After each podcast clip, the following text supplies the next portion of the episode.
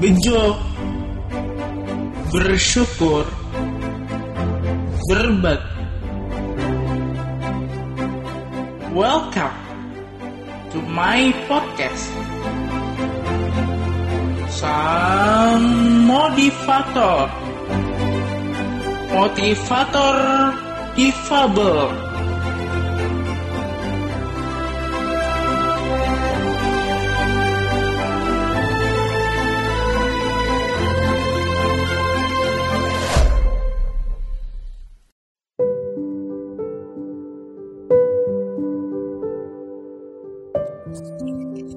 Assalamualaikum warahmatullahi wabarakatuh. Selamat malam semuanya. Balik lagi di podcast Sang Motivator bersama saya Ahmad Fawas. Kali ini saya akan menceritakan tentang bagaimana proses kelahiran saya dan perjuangan ibu saya itu seperti apa sih dalam membesarkan saya. Nah, jadi ceritanya gini. Saya lahir pada tanggal 21 Oktober 24 tahun yang lalu di Rumah Sakit Elizabeth. Beratnya hanya 1,9 kg. Ya, mungkin sebagian dari teman-teman berpikir, "Hah? Ini serius?" Ini beneran. Ya beneran teman-teman. Kok bisa gitu? Mungkin teman-teman kaget. Ya jadi ceritanya gini. Waktu umur uh, kandungan ibu umur setengah enam setengah bulan jadi ibu mengalami perdarahan terus dokter akhirnya menyarankan untuk bed rest nggak lama ya uh, selang berapa bulan gitu. Tepatnya di usia 8 bulan tuh saya udah lahir ibarat uh, makanan itu belum tanak lah. Jadi udah keluar duluan. Kalau kalau bayi normal kan usianya 9 bulan baru lahir. Kalau saya enggak saya 8 bulan gitu nah karena beratnya 1,9 jadi dokter bilang uh, bahwa saya itu harus di inkubator dan itu cukup lama. Kenapa di inkubator? Ya karena beratnya kurang gitu loh. Jadi lumayan lama di inkubator itu hampir hampir dua bulan tapi nggak nyampe dua bulan juga lah. Habis itu um, ini ada ada cerita baru lagi. Waktu umur dua bulan atau tiga bulan itu sebenarnya ibu tuh udah ngelihat ada uh, ada keanehan yang terjadi sama saya. Dimulai dari uh, mata Kenapa? Karena ya lain gitu daripada bayi yang lain. Karena yang hitam ini bola mata yang hitam itu kan biasanya apa ya istilahnya uh, dekat sama yang putih nih. Bola bola yang mata yang hitam itu dekat sama yang putih kalau yang normal ya. Tapi kalau saya enggak. Kalau saya tuh apa ya agak agak uh, ke sini gitu agak. Hmm, pokoknya beda deh. Sulit untuk dijelaskan lah. Nah dari situ jadi uh, apa hal itu yang menyebabkan ketika saya baca dari jarak jauh itu saya nggak kelihatan. Ya emang bahkan guru public speaking saya Kak Odi gitu. Kemarin ketika webinar pun melihat kok uh, Fawas bacanya seperti ini. Itu karena ada kelainan di mata saya. Jadi yang itu yang menyebabkan uh, ketika saya membaca dari jarak jauh itu saya saya nggak kelihatan. Jadi itu. Nah setiap orang tua itu pasti ingin melakukan yang yang terbaik untuk anaknya termasuk ibu saya. Oh ibu saya udah bawa saya ke mana-mana bahkan ke dokter mata pun udah dicek gitu kan. Tapi waktu itu saya sempat ngayal sih karena apa? Saya udah ngerasa wah saya saya udah kelihatan nih bacanya. Ini huruf apa? gitu kan huruf A gitu misalnya. Ini huruf apa? Huruf F misalnya. Itu saya bilangnya udah kelihatan udah kelihatan udah kelihatan. Kamu yakin? Waktu itu udah sempet diperiksa kalau nggak salah umur 5 atau 6 tahun gitu udah udah sempet diperiksa. Kalau nggak salah di Karyadi waktu itu. Periksa. Oh ini dokternya bilang ya udah karena karena keyakinan saya itu dokternya bilang ah anak ibu nggak apa-apa nih matanya. Tapi dari situ saya ada, ada penyesalan juga. Kenapa waktu itu saya uh, apa istilahnya nggak nggak apa namanya nggak bilang aja bahwa bahwa mata saya itu emang emang emang emang ada ke kelainan gitu lah. Memang ada emang ada keanehan. Jadi harusnya saya bilang waktu itu nggak kelihatan kurang kur harusnya belum nyaman. Harusnya kayak gitu kak. Ya ya udah lah ya tapi nggak apa-apa. Nah awalnya dari situ. Nah apalagi nih perjuangan ibu saya merawat saya yang beratnya hanya 1,9 yang kedua adalah ibu saya itu membawa saya berobat ke mana-mana. Ke Cirebon ke Banten ke Kudus. Pokoknya udah hampir hampir ke seluruh pulau Jawa tuh ibu udah udah ibu sama papa saya itu udah sambangi semuanya termasuk salah satu kiainya itu ada ada yang uh, ada yang jadi kepercayaan keluarga juga dan dia itu juga pernah dipakai sama keluarganya Ibu Megawati, Presiden Soeharto, tapi saya lupa sih namanya siapa. Nah, dari situ udah deh tuh keliling segala macam. Udah pokoknya segala usaha udah di udah di apa namanya udah dilakuin sama keluarga tapi ya tetap mungkin uh, mungkin Allah punya uh, cara lain punya apa ya punya ketentuan lain untuk saya dan saya uh, sudah sudah bisa menerimanya. Nah, kalau uh, dibilang apa yang uh, kalau dibilang siapa yang membuat hidup saya tuh jadi lebih semangat dan jadi lebih kuat gitu? Ya nggak lain dan tak bukan ya ibu saya dan dan keluarga tentunya. Tapi yang paling uh, punya peranan besar di hidup saya itu ibu. Karena apa? Satu uh, udah lama. Jadi saya di rumah itu hanya berdua dengan ibu. Kemudian ibu itu adalah guru di rumah. Uh, beliau selalu memberikan masukan-masukan atau nasihat-nasihat yang uh, bikin saya itu jadi apa ya jadi semangat lagi jalanin semuanya. Kalau mental saya lagi down kalau saya lagi sedih kalau lagi apa udah ibu saya cuma ngingetin dek udah kamu yakin aja. Yang penting kamu perbanyak ibadah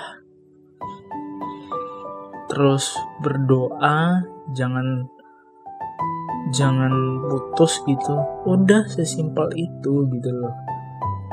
Dan saya sempat apa ya ngerasa khawatir gitu. Ketika teman-teman saya pada kuliah eh, mereka masuk di bangku perkuliahan setelah lulus SMA itu saya di YPAC sorry kalau sorry kalau agak panjang nih ceritanya guys. Tapi kayaknya saya saya, saya nggak tahan gitu. Pengen cerita ke teman-teman semua jadi apa ya waktu itu tuh saya sebenarnya udah ditawarin kuliah juga sama sama waktu apa sama pihak YPAC. Cuma waktu itu ya karena pertimbangan keluarga jadi jadi saya nggak ngambil uh, beasiswa itu. Nah untuk cerita selengkapnya nanti di episode selanjutnya aja. Jadi gitu saya apa sempat sempat ngerasa ngerasa apa ya sempat ngerasa terpuruk bahwa saya tuh uh, apa kalau nggak kuliah nggak keren. Kalau saya nggak uh, kalau saya nggak kuliah tuh pasti saya nantinya apa ya maaf maaf ya ngerasa tuh bodoh terus nggak nggak bisa apa terus nggak kayak teman-teman yang lain. Saya sempat ngerasa gitu tapi ya udah balik lagi. Karena penguat saya itu adalah keluarga dan saya uh, nurut sama ibu saya dan semuanya kakak-kakak saya dukung juga bahwa bahwa ini udah keputusan bersama untuk saya tidak melanjutkan ke bangku kuliah. Nah, itu akan saya ceritakan di episode selanjutnya. Habis habis itu hmm, apa ya? Itu perjuangan ibu saya tuh yang nggak kenal lah gitu. Gak kenal lah ngerawat saya selalu uh, apa ya ibaratnya Wonder Woman lah buat saya selalu nganterin saya ke mana-mana dampingin saya kalau saya pergi misalnya ada acara. Contoh lah uh, di kantor gubernuran misalnya ada acara ada acara dengan Pak Ganjar misalnya ketika di sekolah ataupun ketika di komunitas sahabat difabel seperti sekarang ini ibu saya tuh nggak pernah lah dampingin saya. Walaupun kondisi badannya lagi nggak fit ibu saya tetap uh, apa tetap berusaha untuk untuk selalu ada di dekat saya. Dan ibu saya pernah bilang uh, selalu bilang ini. Dek kamu itu harus jadi orang yang uh, orang yang bejo. Kenapa bejo? Mungkin teman-teman penasaran nih. Kenapa sih bejo gitu ya, karena apa ya? Cerita dikit nih. Jadi waktu itu apa ya ketika di ketika sekolah itu saya ikut lomba. Ini ini ini cerita dikit aja ya. Ketika saya ikut lomba puisi itu saya sebenarnya nggak nggak apa namanya nggak nggak bermodal banyak hanya hanya apa ya hanya udah dikirimin puisinya udah ada puisinya udah ada materinya tinggal saya pelajarin. Atau yang 2014 itu lebih sulit lagi sebenarnya tantangannya. Karena apa? Itu harus menciptakan puisi sendiri kita. Kita harus berkreasi dan otak kita tuh harus kreatif itu. Nah saya berusaha akhirnya dapat gitu loh. Akhirnya judulnya waktu itu pemuda kuat Indonesia hebat. Nah dari situ saya nating tulus aja udah. Ilmu yakin aja udah karena apa? Ya udah kalau kita yakin kita uh, kita yakin terus kita udah nampilin yang semaksimal mungkin yang kita bisa yakin aja Allah tuh pak selalu selalu dampingin kita. Kunci kunci keyakinan saya hanya di situ. Nah alhamdulillahnya saya dapat juara tiga waktu itu tahun 2014 di Pusdiklat BKK padahal mah kalau dilihat-lihat ya saingannya tuh uh, lebih berkualitas. Tapi kok bisa? Nah itu. Karena apa? Saya saya kuncinya yakin. Keyakinan sama apa yang Allah Allah kasih ke saya. Jadi itu sampai sekarang saya ya udah. Gue harus jadi orang yang bejo. Orang bejo tuh orang uh, apa orang pintar tuh kalah sama orang bejo. Nah itu yang selalu ibu saya bilang orang pintar tuh kalah sama orang bejo. Nah kalau kalau kata-kata yang selanjutnya adalah bersyukur. Karena apa?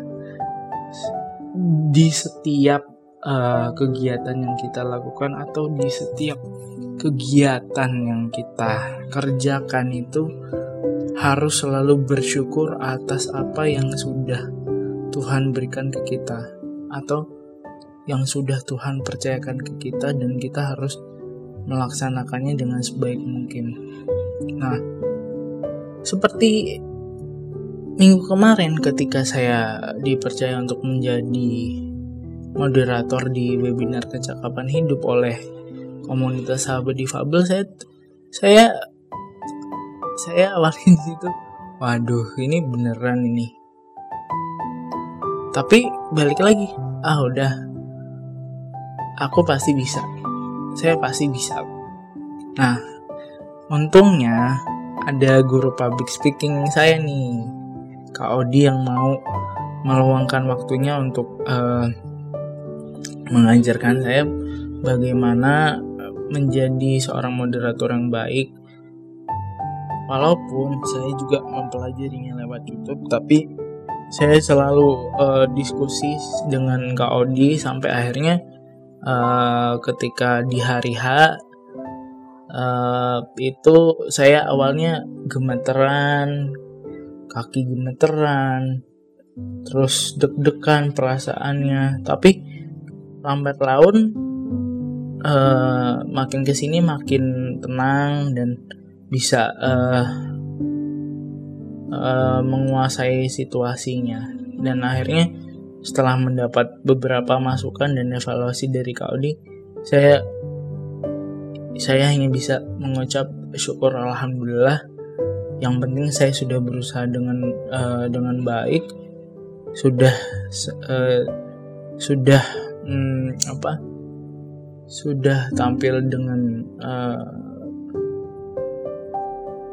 cukup cukup bagus kalau menurut saya pribadi walaupun masih banyak kekurangan yang harus saya perbaiki juga. Tapi ya itu balik lagi kuncinya yakin aja keyakinan. Karena kalau kita yakin pasti Tuhan akan kasih uh, yang terbaik buat kita. Nah yang ketiga apa? Berbagi. Nah dari uh, dua dua uh, apa namanya? Dua hal yang sudah saya sampaikan tadi kuncinya yang terakhir adalah berbagi. Kenapa? Karena ya kalau kita berbagi berarti kan kita uh, apa ya?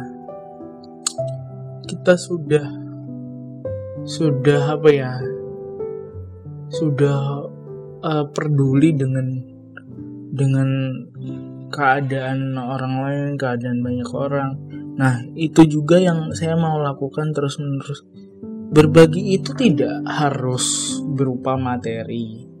Berbagi itu bisa apa saja. Bisa tenaga, bisa ilmu, bisa apa ya, pengalaman dan lain-lain. Apa saja. Nah, saya itu paling seneng kalau melihat orang lain seneng karena apa? Melihat senyuman mereka tahu apa namanya? Tahu cerita mereka bisa ngasih solusi dari masalah yang mereka alami. Itu saya kepengen banget. Makanya kenapa saya saya bikin uh, podcast sang motivator ini ya? Cita-cita saya hanya uh, hanya ingin sharing hanya ingin sharing dan uh, cerita banyak hal ke teman-teman semua di rumah. Lagi masa pandemi gini yang bisa saya lakukan untuk mengasah ilmu public speaking saya ya hanya lewat podcast ini. Gitu teman-teman. Jadi maaf banget kalau tadi saya agak belibet ngomongnya ya deg-degan karena ini bener-bener episode perdana buat saya walaupun ini sebenarnya episode kedua sih tapi um, mudah-mudahan uh, di apa namanya di cerita-cerita selanjutnya uh, akan lebih menarik lagi dan pastinya menginspirasi untuk kalian semua. So itu aja teman-teman dari saya Ahmad Fawas. Cukup sekian. Wassalamualaikum warahmatullahi wabarakatuh.